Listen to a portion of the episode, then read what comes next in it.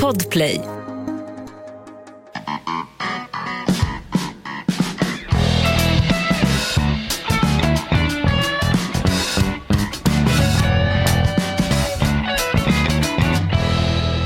Varmt välkommen till en detaljskarp... Ah, hörde du den? Jag tror den kom med. Jag tror jag är så risig i kistan. Jag skulle just säga välkommen till en detaljskarp essä över tingens ordning och landets utveckling. Sveriges mest rykande aktuella podd kryddad med lite varmluft bak till i mina mjukisar. Jag tror det kommer en liten Jonnys på den. hörru. Fan vi får ju öppna här inne nu. Alltså, det... Öppna aldrig! Stäng till! Va? Inte Reinfeldt med hans öppna era gränser. Han är ju chef nu på Svenska Reinfeldtsförbundet. Ja, hur, hur går det där då? Fan? Det har, har inte börjat än, så än så länge så, så, så, så är, det kav lugnt på havet svensk fotboll. Men när de flyttar AIKs match från en söndag till en måndag, det är ju jäkligt taskig stil för alla alkoholister som följer med AIK och ska ha bokat hotellrum och skit alltså. Det är skandal. Var var jag någonstans? Uh, ja, jag vet. Så här är det där va. Vi måste lägga oss på en bonaktig Åsa-Nisse-nivå i humorn. Det måste vara pruttkuddar, ansiktsmålning och fiskdamm med, med Bosse Hansson. Därför att folk lyssnar inte annars. De viktiga politiska budskapen, de smyger vi in lite här och där. Precis. Känner du till Karl Gerhard? Ja, kan jag få en snabb update? Karl Gerhard, eh, revyartist, eh, otroligt slagfärdig debattör i förkrigs-Sverige. När kriget bryter ut så fortsätter Karl Gerhard att protestera mot de vidriga nazisterna. Och han gör ju kupletter, han gör ju suffletter, han gör ju, han gör ju nästan småpojkar med barn. Han tjusig var- hatt också. han, ja visst, har du googlat upp honom? Ja, här har jag framför mig här. Han, han är från en tid eh, där, där gayrörelsen var undanskymd, inskuffad i en garderob. Du fick inte ens visa tasken på en sån här eh, dragrace-gala på tv. Det var hemligt, det var fult. Men Karl Gerhard var en sån där, han var ju han gjorde ju buskisrevyer på sin tid och i det där så smög han in liksom viktiga samhällsbudskap så att folk vaknar upp och tänker vad är det som pågår i det här förbannade landet? Har du tagit rygg på honom menar du då? Alltså var han lite före sin tid?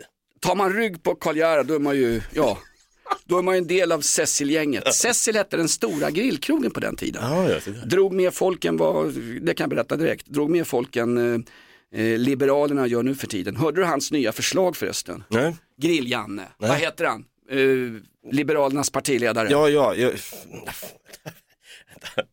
Vad fan heter han? Förlåt, det här måste jag... Det är så dåligt. Det är...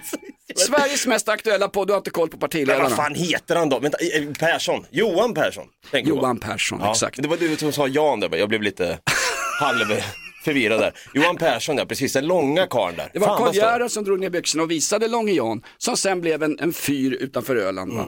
Nej men Göran Persson kan vi ju glömma. Eh, Men däremot Johan Persson, Liberalerna, nu kommer ett förslag om att de vill införa euron i Sverige. Kronan faller ju pladask, alltså kronans anseende faller ungefär lika mycket som eh, ja, Lasse Berghagens karriär sista åren.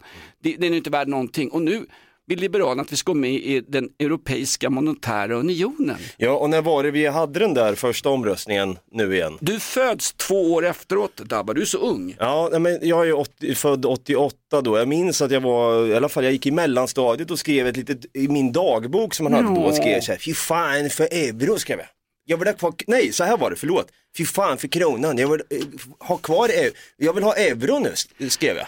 Varför får du en, en skarpare östgötsk dialekt när du berättar att du skrev någonting i fjärde klass? Men jag kommer ihåg att jag var fly förbannad för jag tänkte att det var bara de äldre som ville ha kvar kronan. Jaha, okej. Och så, jag ville ha euron, jag ville slå ett slag för euron och tänka fan det kanske kan göra det lite enklare för en att Ja, resa och så vidare. En, det var en annan tid, numera har vi ersatt eh, pingsten med ramadan och vi har eh, 600 000 i utanförskap i våra förorter, vi har skjutningar, vi har pang-pang. Jag tror inte ens att eleverna i svensk skola idag har tillgång till papper och penna och än mindre har tid att skriva dagbok. Men kommer du ihåg om du var pro-euro då då?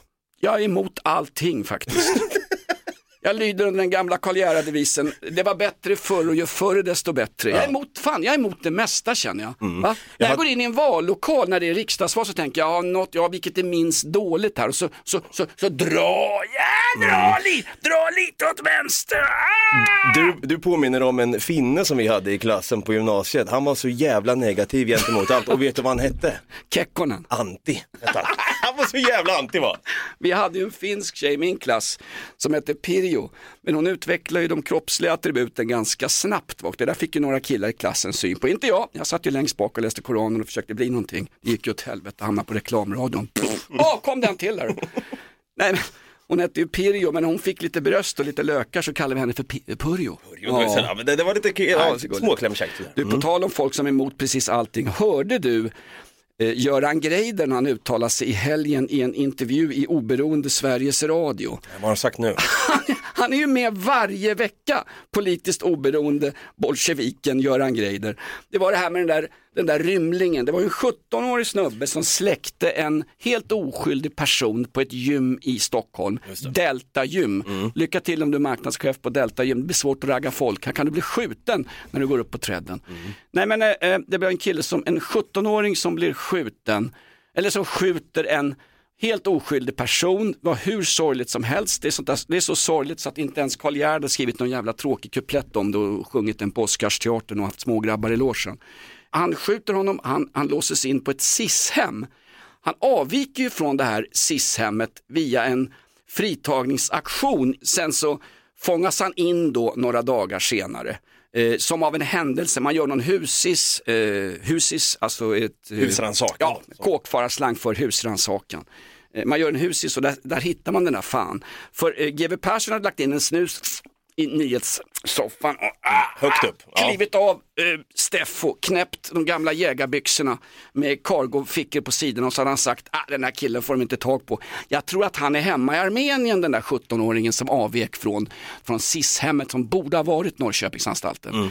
Grejen är att han är ju i Armenien och medan han är i Armenien en fan så eh, har han ju fått svenskt medborgarskap.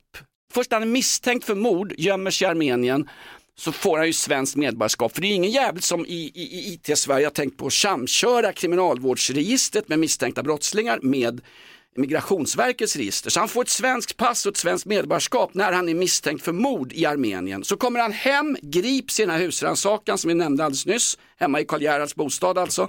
Och dessutom så, det är ju inte olagligt, det här är ju helt barockt alltså. Och då menar jag inte Carl Michael Bellman och hans fantastiska efterfester när de lovebombade Ulla Vinblad. Så att hon, ja det är den största, eh, En bukake. va? Va? Bukake? Ja, jag, jag vet inte. Vad är det- vad är det för något? Ja, det, nej, det, jag vill faktiskt inte gå in på det. Go googla skiten där hemma. Buk Bukake är alltså ett stridsflygplan som landar i ansiktet på folk i slutet på Pearl Harbor-bombningar. ja, så skulle man kunna säga. Så ska man. Nej, men okej. Alltså, hur- kan du ens veta vad Bukake Ja, är? du, fråga mig inte.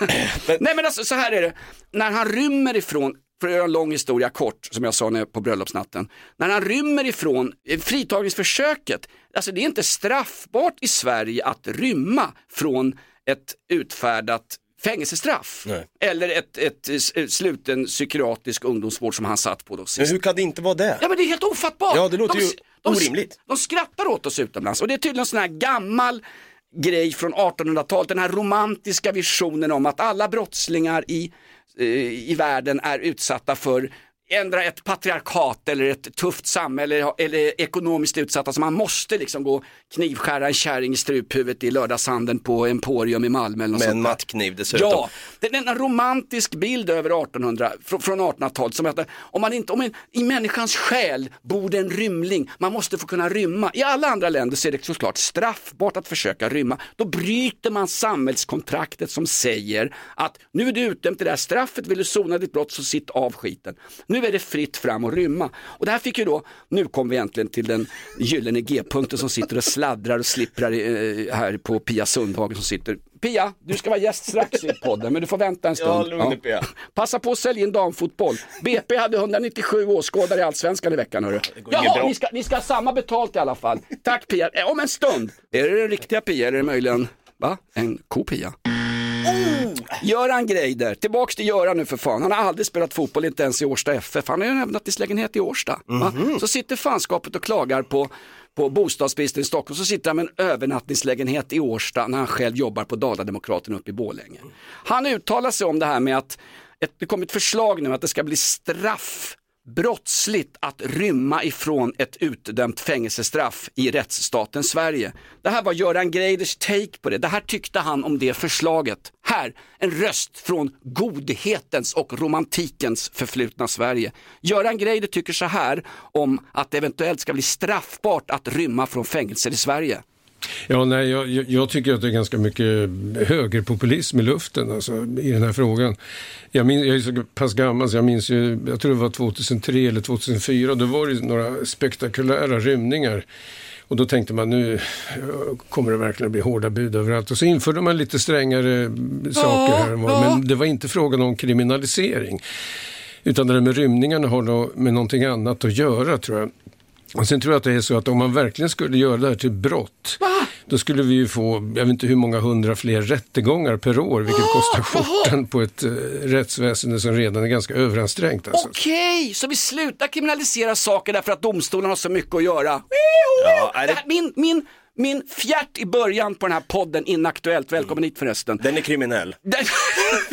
den är ju, den är, den är som ett doftljus jämfört med det här. Ja, alltså allvarligt talat. Ja, nej, det, det behöver inte bli en rättegång om någon rymmer. I Norge har man ett system som säger Rym, rymmer du från kåken då va? Mm. Då får man automatiskt sex månaders påbackning. Ett rymningsförsök det, av, det avgör anstaltsledningen.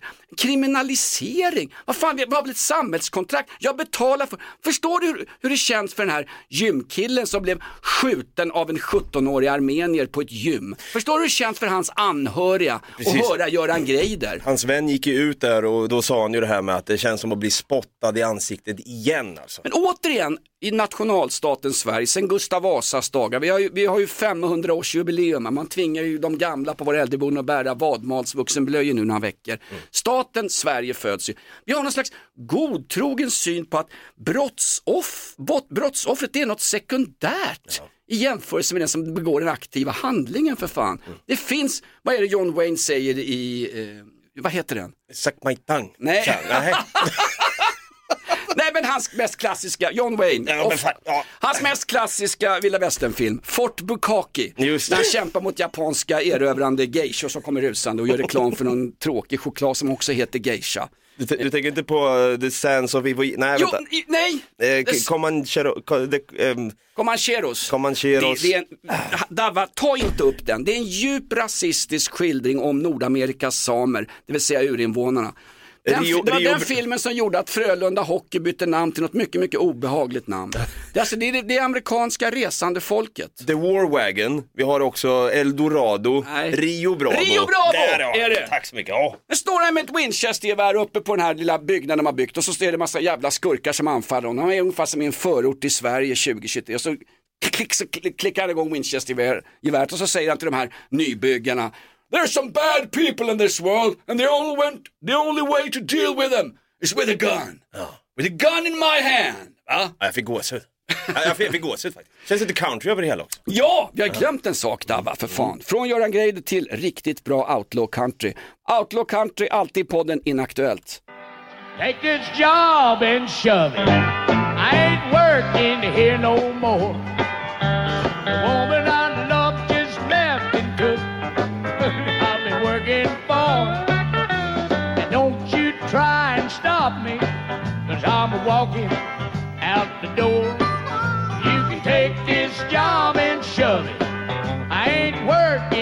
No more. Ah, underbart. Take this job and shove it. I ain't working here no more. Nu finns det ju på svenska med Håkan Mild, sportchef i IFK Göteborg, som har spelat fyra matcher i fotbollsallsvenskan. Noll mål! Mm, det är härligt.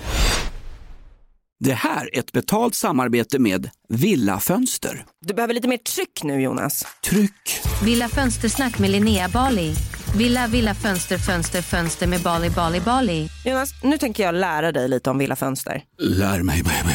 Villa Fönster är en rikstäckande leverantör av fönster och dörrar till dig som konsument och byggföretag. Och vet du vad Jonas? Vadå? Jag har en spaning. ja. Det som gör dem så unika är att de har Sveriges bästa leveranstid. Ja, det går undan har jag hört va? Ja, det gör det. För man tänker kanske som konsument så här, åh nej, det här kommer ta så lång tid. Men inom tre veckor alltså så har du ett svenskt nyproducerat fönster som är redo för omgående avhämtning eller leverans. Oj, oj, oj, inom tre veckor. Är det inte så också, jag har hört ryktena, de har Sveriges största fönsterlager va? Ja, med 500 olika varianter av fönster. Och eftersom de allra flesta av oss vill ha olika storlekar på fönster så kan Villa Fönster dessutom göra anpassningar såsom spröjs, spaltventil med mera. Oj, oj, oj Linnea, du övertygar här. Du vet inte vad en persedel är för någonting, men spröjs och spaltventiler. Här har jag nästan läst på universitetet om det här. Ja, och är det någon som har koll så är det Villa Fönster. Historisk referens här. Har du? Ja, alltid. Ända sedan 2008 så har Villa Fönster alltid haft visionen att erbjuda kvalitetsprodukter till rätt pris och kortast möjliga leveranstid. Ja, jag är nöjd Med vad då? med vårt Villa Fönstersnack. Villa Fönstersnack med Linnea Bali. Villa, villa, fönster, fönster, fönster med Bali, Bali, Bali. Tack Villa Fönster. Poddtips från Podplay. I podden Något Kaiko garanterar östgötarna Brutti och jag, Davva, dig en stor dos skratt. Där följer jag pladask för köttätandet igen. Man är lite som en jävla vampyr. Man har fått lite blodsmak och då måste man ha mer. Udda spaningar, fängslande anekdoter och en och annan arg rant. Jag måste ha mitt kaffe på morgonen för annars är jag ingen trevlig människa. Då är du ingen trevlig människa, punkt. Något Kaiko, hör du på Podplay. Därför är gardinerna. Och det här med att det är inte kriminellt då att, att rymma. Ja, det är helt lagligt att försöka rymma. Ja, det är lite stört så faktiskt. Men Tänkte, det finns... du, tänkte du sticka eller? Ja, jag tänkte, precis, för det luktar skit här inne. Nej, det gör det inte. Nej, jag skojar bara. Nej, men så här är det också. Det Det här, luktar skit i min mun, men där ska du inte in och gräva som jag sa till, till eh, tandläkaren igår. Ja. Eh, vi har ju det här med AI. ja. Eh, du vet att jag är ju från den, den generationen som, jag tycker det är lite intressant, jag tycker det är lite coolt sådär. Exakt. Fan, framtiden är här. AI står ju för analog inkompetens och det är det vi har byggt den här podden på. Exakt. Nej men det, det är redan oroligt, Mm. den här utvecklingen. Ja, alltså folk sitter ju och skriver sina eh, uppsatser på universitetet med hjälp av en AI-robot. Det Ja, finns något speciellt program som gör att den här podden inte längre görs av levande människor. Det sitter ju två jävla skittråkiga hologram varav en av dem pruttar och gör den här podden. Precis, ChatGPT som har Ja. tagit världen med storm. Vad står GPT för? Det är en bra fråga, Graders, eh... Där, där, där står det still. Men du kan ju också göra bilder, du kan ju vara en konstnär så att säga och skriva in då Gandalf from Lord of the Rings having a pint while watching Millwall on the television in the background. Så får du en bild då på Gandalf när han sitter där på en sunkig engelsk pub och kollar på Millwall. Är det sant? Det är helt stört alltså. Och kanske inte på pricken men snart kommer det bli. Kan jag lägga upp då till exempel John Waynes Bukaki Party at Rio Bravo? Jag tror de har tagit bort allt som kan vara sexualiserat så att säga. Ja men skit i, se. skit i Rio Bravo, kör bara John Waynes Bukaki. Ja, det kanske kan gå då. Mm. Eh, Du kan även kopiera röster då likt förbannat eh, så att vi då knappt ens behövs längre. Ja. Och det var ju en grej här eh, för ett tag sedan. Jennifer, en kvinna, hon trodde att hennes 15-åriga dotter var kidnappad när dottern ringde och grät. I själva verket var det en röstkopia skapad av AI, alltså artificiell intelligens. Det som vi kallar analog inkompetens är egentligen AI va? Precis. Det här nya som kommer när en dator skriver ut en massa skit. det- Alltså. Det sägs att Ulf Kristerssons NATO-ansökan den är gjord av en AI-robot och den hade mer mänskliga tjänster än 1,30 lång Ulf Kristersson. Mm. Jag tvivlade inte en sekund på att det var hon, säger mamman här då, Jennifer. Vi kan ta och lyssna på hur det här samtalet lät. Hi, it's me, Mom. Ha ha ha, I need help. I need money, I need money, now. Transfer money now, I need the money, I cry ha ha ha. Vänta, Nej men väl, stopp. Det. Vänta, det, det, vänta, det där var nog fel. Vänta, eh, vi kan ta och lyssna på den riktiga istället. It's Allison. This is to be hard to believe, but I've been kidnapped. They want one million ransom. Otherwise, they say they'll hurt me. I don't know what's going to happen. They want me to hang up now. I've got to go. I love you. Ja, det här var alltså samtalet som mamma Jennifer fick då från sin 15-åriga dotter. Fy fan. Du hör ju, man hör ju visst att det finns en liten sån här apatisk ton i det hela. Liksom. Här är man, men det kan ju vara som så att man är, är man kidnappad kanske man befinner sig i chock och läser innantill för ett papper vad man ska säga och så vidare. Ja men alltså du är ju i chock, du har ju kommit in i den här podden via eh, både bakvägen som Karl Gerhard kallar den. Du satt ju också och läste innantill nyss om Ja, ja, Jennifer där. ja, men exakt. Min kompis förresten, Klabbe, tycker du gör ett jäkla bra jobb i podden. Bara att problemet är, han lyssnar inte så noga så han kallar dig för Gavva. Eller var det möjligen Ganja efter förra veckans avsnitt? Gav, gavva, vad fan var det? Men får jag fråga en sak? Alltså den här Jennifer, hon bor ju i Ulricehamn. Är det inte märkligt hennes dotter ringer och pratar engelska? Ja, det kan man också Som något jävla inslag i någon podd någonstans. Men vad då gick hon på det här, den här Ja, mamman Jennifer? det är, det här amerikanska rättsfallet som fan är större än att Joe Biden fyllde 100 i veckan? Så kan vi säga, det, och det bryter sen en mansröst in i alla fall här. Och han sa, jag har din dotter, om du ringer polisen eller någon annan så proppar jag henne full med droger.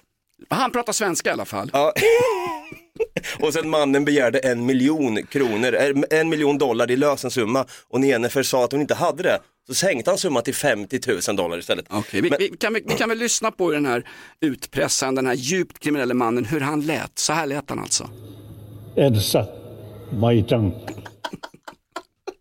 Exakt, så lät men nu har du ett rättsfall från USA, det här var ju omtalat liksom. Och nu, nu är du rädd Davva, jag ska fylla i det lite grann som jag gjorde på swingersfesten med, med dig och din före detta flickvän, vad hette hon, tyskan där, tjocka Ja, ja, ja.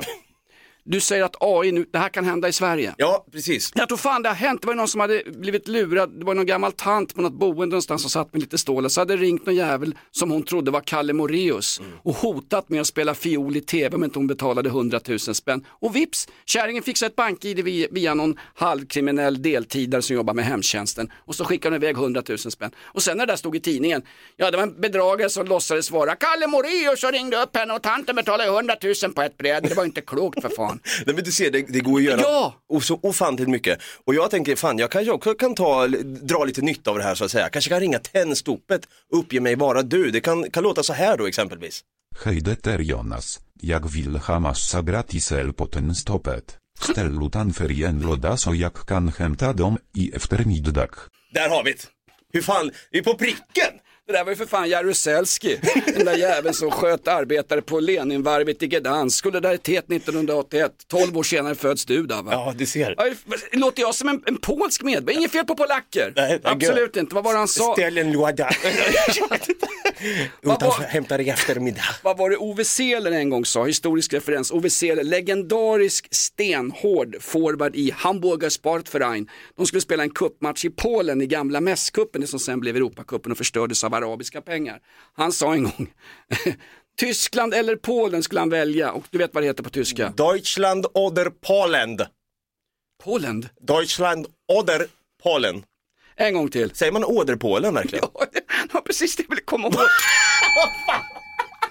Har du sagt åderpålen? Nu har jag också sagt det i podden. Det kommer att göras AI på det där. Oder-Polen. Eh, var var vi någonstans där Eh, va? vi, vi, var, vi var precis där vid AI, att det här är lite oroväckande i alla fall. Vi måste ha koll på den här utvecklingen. Det kan gå åt helvete snart hörni. Men, men sa inte folk det när bröderna Wright flög i någon jävla gistet flygplan tvärs över Atlanten, när var året? 1896 något sånt där. Nej vänta, det var ju det året som Hammarby-fansen senast röstade om att Hammarby hade grundats. Ja. Nej, men det var någonstans sent 1800-tal. Bröderna Wright åker i flygplan över Atlanten. Och då stod ju folk på europeiska fastlandet i skitiga träskor, hade läst Ivar Lo-Johanssons nationalromantiska epos eh, Rid i natt, skriven av Vilhelm Moberg för övrigt, spökskriven av en AI och sa nu, nu går det åt helvete för kom- Nu flyger vi i luften, nu kan man inte lita på någonting längre. När de uppfann hjulet och byggde skottkärror 6000 år eh, före Kristus i Nomi-kulturen i Mellanöstern. Stridsvagnar dök upp i Flandern 1917 och bara mejade ner de brittiska kolonialtrupperna. Ja, nu, nu är det slut med världen. Det var inte alls slut med världen. Då, då byggs ju nationalstaten, maskinell utveckling. Titta i Bachmut nu. Om Wagnergruppen nu kan, kan ta över Bachmut i Ukraina, då är det ute med hela jävla västvärlden. Nej, men det, är- det är bara en ny fas i mänsklighetens totala degenererade förfall. Det är väl det, men vi... Alltså, fan om jag vore Karl Gerhard, vet du vad jag skulle ha gjort då? Nej. Om jag vore Karl Gerhard exakt nu, vet du vad jag hade gjort då? Vad hade du gjort då? Förgäves försökt ta sig ut ur kistan. Nej men så, så är det ju va. Eller hur? All, all utveckling är ju, vi kan inte stoppa AI nu, du får inte vara så jävla bakåtsträvande. Nej, alltså. det, det fanns sant ändå. Det fanns sant. Alltså, jag, jag minns när de började prata om att internet bara är en fluga. Var, var, var du också av den arten? Att du bara sa så här, nej men det där är bara, det där var hittepå. Hur gammal var du då när internet kom? 96? Eh, 96, det var i samband med mitt 60-årsfirande. Just. Det var ju någon, var ju någon sån här näringslivsminister i Sverige, var det inte Margot Wallström, hon som var så dryg och smörig som döpte om det till Bregott Wallström. Hon hamnade i EU-parlamentet den här människan, som hon är ju mera, alltså allt hon ser, allt, alla nya förslag som kommer, vi kanske ska låsa in brottslingar, jävla högerpopulism, hon är värre än Greider för fan i sin, i sin, i sin infantila retorik. Va? Poddtips från Podplay. I podden Något Kaiko garanterar östgötarna Brutti och jag, Davva, dig en stor dos skratt. Där följer jag pladask för köttätandet igen. Man är lite som en jävla vampyr. Man har fått lite blodsmak och då måste man ha mer. Udda spaningar, fängslande anekdoter och en och annan arg rant. Jag måste ha mitt kaffe på morgonen för annars är jag ingen trevlig människa. Då är du ingen trevlig människa, punkt. Något Kaiko, hör du på Podplay. Därför är Du, eh, du fruktar alltså för framtiden. Jag tror på en ljusnande framtid för den här podden. Vi har ju sökt massa vikarier och skit.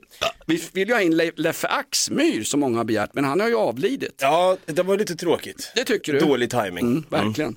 Du, eh, jag har andra förslag på eh, att bjuda in folk. Ja, jag tänker... Björn Skifs som fyller 76 år idag. Huka chaka, huka chaka. Hoka chaka cha-cha. Björn, Björn Skifs förresten, han är fan den suraste jävla kändis jag någonsin har intervjuat. Alltså. det Han så? som är så jävla glad och lycklig och pratar om sitt Vansbro, han kan göra allting. Han är både en soulkille och en, och en dansant eh, halvfjolla med han Lasse Palme, vad heter han? Holm.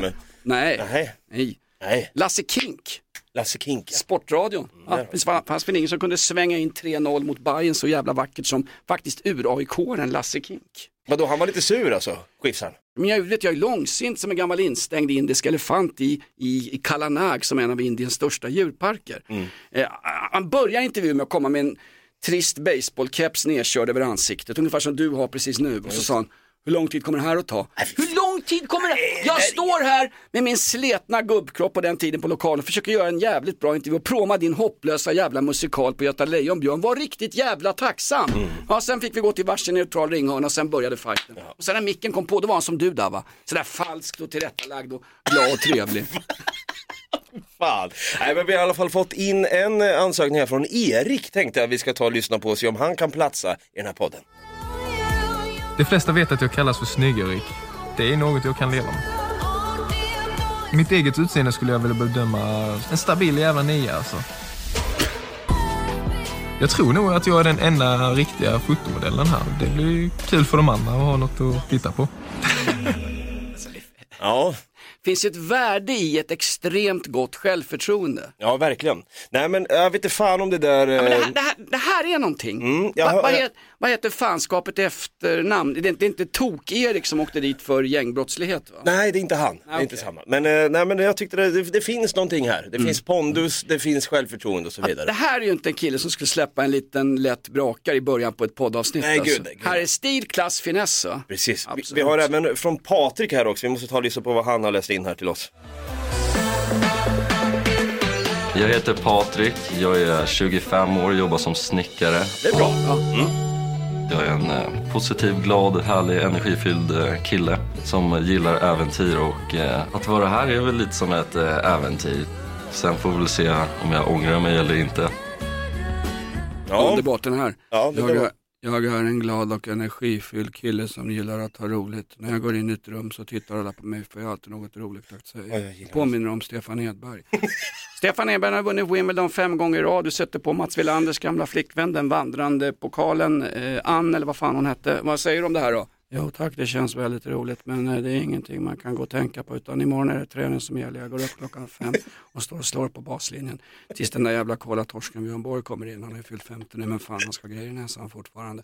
Så det blir, det blir, jag vet inte riktigt. Ja, nej, det, det, det måste vara lite mer energi. Absolut. Jag tänker vi kan ta och lyssna på Sabrina då. Vi tar, vi tar den sista här nu när vi ändå är igång. Vad du har preppat det här Ja, men jag har preppat lite grann Fan, jag säger som min, min kompis Klabbe, alltså den där Gavva, var rädd om Ja, honom. var rädd om Gabba. Nej, men vi måste jag få sa ju in... det, Gavva en jävla stjärna. Vet du vad? Han är bättre än samtliga halvtråkiga, inklusive Richard Herrey. Eh, samtliga tråkiga folk som har sökt vikariejobb här i podden Inaktuellt. Du, du, du är bra Gavva. Ja, men, tack som fan Jonas. Nej, men saken är också att jag tänker väl att eh, på torsdag nu, eh, som komma skall, så tänker jag att vi, eh, vi får se om vi kan ta och lyckas få med oss någon då. Vi ska ha tema nyskild och då slänger vi in Jakob Ökvist. Han pratar ut i Aftonbladet, han ska skilja sig. va? Nej, fan vad tråkigt. Ah, är, där- är det det? Ja men det där är en skilsmässa väl aldrig kul, det borde ju du veta. Åh, oh, där kom det! Ja, där kom det. Lika överraskande som om Blåvitt skulle göra mål i fotbollsallsvenskan. Elsa Majtan. Vi har Sabrina i alla fall som har skickat in en ansökan här. Mitt namn är Sabrina. Jag är 23 år gammal, bor i Stockholm och pluggar just nu till affärsutvecklare. Affärsutveckling. Alltså, jag hoppas på att det är någon snygg, skön, rolig person. Ja, det blir du Gärna lite äldre. Ja, jo. Jag är jätteintresserad av eh, astrologi. Jaha. Ja, där är då. Mitt stjärntecken är ju väduren. Och eh, alltså är det något stjärntecken som man ska passa sig för så är det fisk. De har jag väldigt svårt för. Det är trosor då. då. Jag tillhör stjärntecknet träbocken säger Mikael. Ja, ja, det gör det. Är, är du fisk? Nej, jag vet fan. Det Men, där var någonting hörru. ja, det fanns lite edge där. Ja, är man fisk så får man ju stimpengar också. Mm, just. va? Eh, Hörru du, på tal om tjejer som är uppe i smöret och som verkligen levererar. Nu har ju hon fått nog, jag har fått nog av dig, dig, dig! Nej, det handlar inte om Laila Freivalds som skällde ut en massa reportrar helt oskyldiga med kameror i hennes jävla trappuppgång. När hon stod i, hon står i riksdagen tanten och röstar emot omvandlingar från hyresrätter till bostadsrätter. Och så sökte då på den här tiden, det här är långt innan du föds, det här är när Karl Gerhard sprang runt med smågrabbar med shorts i Humlegården. Då står La- Laila Freivalds, dåvarande bostadsminister och dömer ut folk som står därför att hon själv privat stod i en trappuppgång i sitt hus på Karlaplan på anrika Östermalm i Stockholm, Karl Gerhards första riktiga jaktmarker. Där står hon och omvandlar själv sin hyresrätt till bostadsrätt. Ja, det där är hy- hypocrisy som man säger på Exakt. engelska. Ja, ah, fy fan. Hypocrisy. Ja, vad är det som har hänt nu då? Vem är... Jo, det är en stridbar kvinna som har fått nog av allting. Jag har fått nog av dig, dig, dig, dig, dig, dig och dig. Och det är ju poliskvinnan Linda Stav.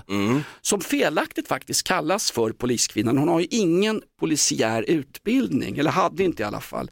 Och hon blev ju uthängd i samband med den här, den här eh, polischefsskandalen. Så här säger hon när hon berättar om vad som hände i det här fallet. Linda Stav i Sveriges Radio i helgen. Ja, men det var en, en eh, publicering som gjordes i början av december och där Expressen eh, publicerade en första artikel och då handlar ju den egentligen om en promemoria som upprättats av Polismyndighetens säkerhetschef. Nej, det var det inte alls. Här måste jag gå in. Det var en polisanmälan som upprättades av Säkerhetspolisens säkerhetschef Ari Stenman. Så här funkar det. Jag vet inte om Linda Stav känner till det här, men om en polis hör eller ser att ett brott har begåtts så måste hen upprätta en polisanmälan. Det här borde vara, tycker jag, vardagskunskap för en person som har suttit i Sveriges absoluta topp vad det gäller polischefsjobb. Vi fortsätter. Över till Linda Stav i debatten. Där i den första artikeln så eh, ja, framställdes jag som en, som en typ av brottsoffer kan man säga. Sen gick det på några dagar väldigt snabbt. Det är väl klart att man blir ett brottsoffer om man är föremål för en polisanmälan. Då är man per definition ett brottsoffer. Över till dig igen Linda. Så av sig själv svängde den här historien där jag då upplever att jag pekades ut som, som egentligen som, som förövare, där jag kritiserades och eh, blev ifrågasatt för mina meriter. Det blev en, en svängning och där medierna inte gjorde sitt jobb, där man inte Medierna gjorde sitt jobb. Det handlar nämligen om att hon blev ansvarig för Sveriges största operativa polisiära avdelning, NOA-avdelningen. Hon hade inte någon som helst erfarenhet av operativ ledning av polisarbete överhuvudtaget. Och där är det såklart att media som gjorde sitt jobb till punkt och pricka, till och med Mikael Syrén på Expressen som jag kan ha mina dubier med ibland, men här gör han ju ett förbannat bra jobb när han börjar gräva i det här. Så det här, är, det här stämmer inte. Hon blir absolut med rättmätigt kritiserad för det hon gjorde. inte brydde sig om att kontrollera fakta, utan där alla sprang åt samma håll när man upplevde att det fanns en story. Att alla springer åt samma håll, det kallar folk som blir utsatta ibland för ett drev. I alla andra länder så kallas det för granskande journalistik. När en tidning får upp ett spår så vill flera tidningar prata om samma sak. Det begås övertramp, ja, visst, men Paolo Roberto-fallet, eh, Linda-fallet med Linda Chen, alltså när drevet går, alltså när man blir utsatt för det så är det jättejobbigt. Men drev är när ett flertal tidningar granskar makten i samhället. Och kan du inte palla trycket när du sitter så högt upp i ledningen för en polismyndighet i en rättsstat, då är, kanske, då är du kanske på fel plats. Och det kan jag köpa att man ångrar sitt deltagande. Vi fortsätter, över till dig Linda Stav. Eh, och jag hade gärna velat säga att det finns många likheter mellan underrättelsearbete och eh, journalistik. Att man noga samlar in fakta, man bearbetar det och eh, väger in olika källor för att skapa en, nyanserad, balanserad bild. Men efter den här publiceringen så kan jag tyvärr inte säga att de likheterna mellan underrättelsearbete och journalistik finns. Jag, jag jag kan inte på något sätt förstå vad hon pratar om här i det här noga förberedda försvarstal. Ursäkta att jag blir lite allvarlig här, men det här är förbanne med allvarligt. När polisen i Sverige verkligen behöver jobba med andra saker än att reda ut några svartsjukedraman i polisledningen där det till slut handlar om jäv och det upprättas en polisanmälan. Jo, det var en polisanmälan som upprättades mot framlidne Mats Löving. Det är klart att tidningen ska granska det här. Sen, sen går hon vidare här Linda Stav och pratar om att ja, sen hamnade mitt privatliv i fokus. Ja men det var ju ditt privatliv med Mats Löving, hur den relationen än må ha sett ut. Det är ju den som är själva grundbulten. När någon talar ut och man drar kvinnokortet och man drar drevkortet så jag tycker att alltså, Sverige, vi, har en massa duktiga journalister, ge dem för fan fria händer som i Erdogans Turkiet. Pff, nej men vi ska vara rädda om våra duktiga granskande journalister. Det är klart att det är jobbigt att bli granskad och utsatta för en massa Eh, journalistiska personer som kanske söker upp en privat, men de gör sitt jobb på samma sätt som Noa sköter underrättelsearbetet. Gå gärna i genmäle, vem har rätt och vem har fel här? Poddfjollan Jonas som inleder podden med att släppa en brakare eller Linda Stav. Vad är, vad, är det, vad, är, vad är det egentligen som har hänt här? Vi har en märklig förmåga i det här landet, Dava, varför man sitter och har utsatts för kraftig och bra journalistik. Man har avslöjat en jävla härva här i polisledningen som inte hade upptäckts som inte hade haft tuffa, hårda journalister. Och det är klart att ska man göra en omelett så knäcks några ägg på vägen. Men vet, det blåser snålt på toppen för att citera Karl Gerhard efter en tuff fest med smågrabbarna på Östra Real. Det kanske blir lite eftersnack om det här på torsdag redan nu, 09.30 så kör vi tillbaka med Podplay Live, Inaktuellt Live med en, eh, ja jag tror fan vi kan ha en, en, en, vikarie här nu Jonas. En vikarie? Ja, det känns fan som så. Är det Linda Staff? Ja, vi, får se vem det kan bli. 09.30 i alla fall i Podplay-appen så kör vi live igen. Jonas, Dava och sen då en vikarie på det. Det är underbart. Ja, Hörru, det är det. kan vi gå ut på lite outlaw country? Ska vi göra det? Absolut. För alla som har granskats någon gång av en journalist. Uh, gud vad obehagligt det är alltså. Och så granskar mitt privatliv också. Oh, nej! Jag släppte en till. Jäklar. Daniel Boone was a man, yes, a big man, with an eye like an eagle and as tall as a mountain was he. Daniel Boone was a man, yes, a big man. He was brave, he was fearless, and as tough as a mighty oak tree. Manssamhällets sista röst efter Drag Race Sverige som hade final i veckan. Du har lyssnat på podden Inaktuellt! Det Jag tror inte det är någon kvar här Dava. Vet du vad Dava, eller Gavva som det heter nu, du gör ett jäkligt bra jobb alltså. Ja men tack som fan, det känns kul att vara en del av det här också. Får jag sammanfatta podden idag? Ja, gör det. Samaitan, samaitan, tang. Samaitan, samaitan, tang. Samaitan. En blandning av sött och salt. Missa inte livepodden på torsdag. Vi börjar 09.30 och då har vi en bestämd vikarie. Har fanskapet tackat ja nu i mameluckerna? Han har faktiskt det. Han har det! han har det!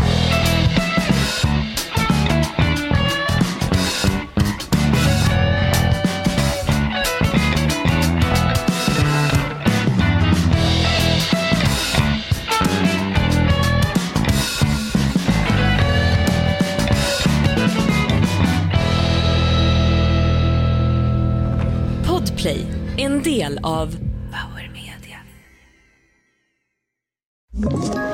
Ett poddtips från Podplay. I fallen jag aldrig glömmer djupdyker Hasse Aro i arbetet bakom några av Sveriges mest uppseendeväckande brottsutredningar. Går vi in med hemlig telefonavlyssning och, och då upplever vi att vi får en total förändring av hans beteende. Vad är det som händer nu? Vem är det som läcker? Och så säger han att jag är kriminell, jag har varit kriminell i hela mitt liv men att mörda ett barn, där går min gräns. Nya säsongen av Fallen jag aldrig glömmer på Podplay.